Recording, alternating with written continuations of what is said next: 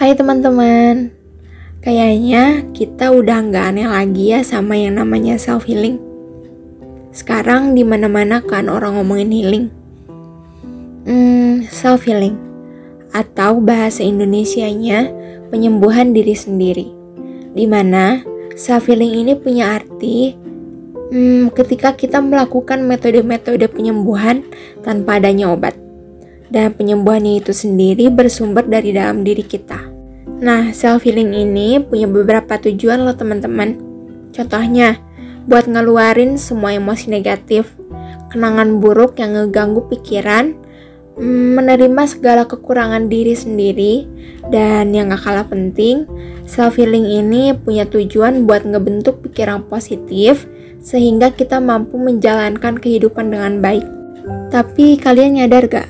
Kalau sekarang hmm, banyak banget yang salah kaprah soal proses penyembuhan diri sendiri atau self healing ini. Banyak yang menganggap kalau cuma sekedar liburan, rebahan, tidur sepanjang hari, itu dinamain dengan self healing. Padahal prosesnya lebih jauh dari itu.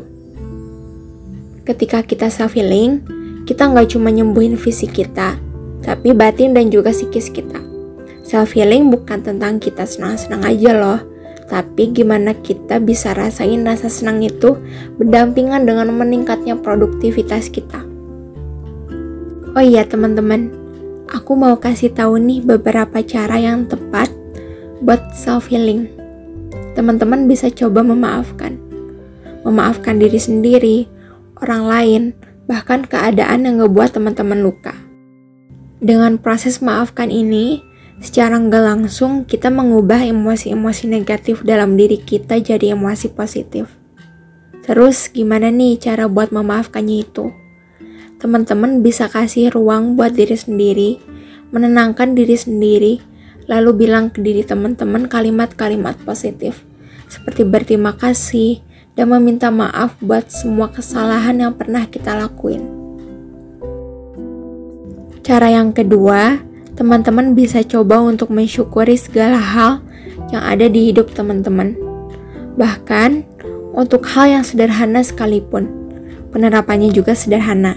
Teman-teman bisa buat jurnal, menuliskan hal-hal yang ngebuat kalian bersyukur. Nah, jadi self healing itu nggak melulu tentang liburan ya. Sesederhana kita ngelakuin hal yang kita suka dan bernilai positif, itu juga bisa disebut dengan self healing. Jadi tetap semangat ya.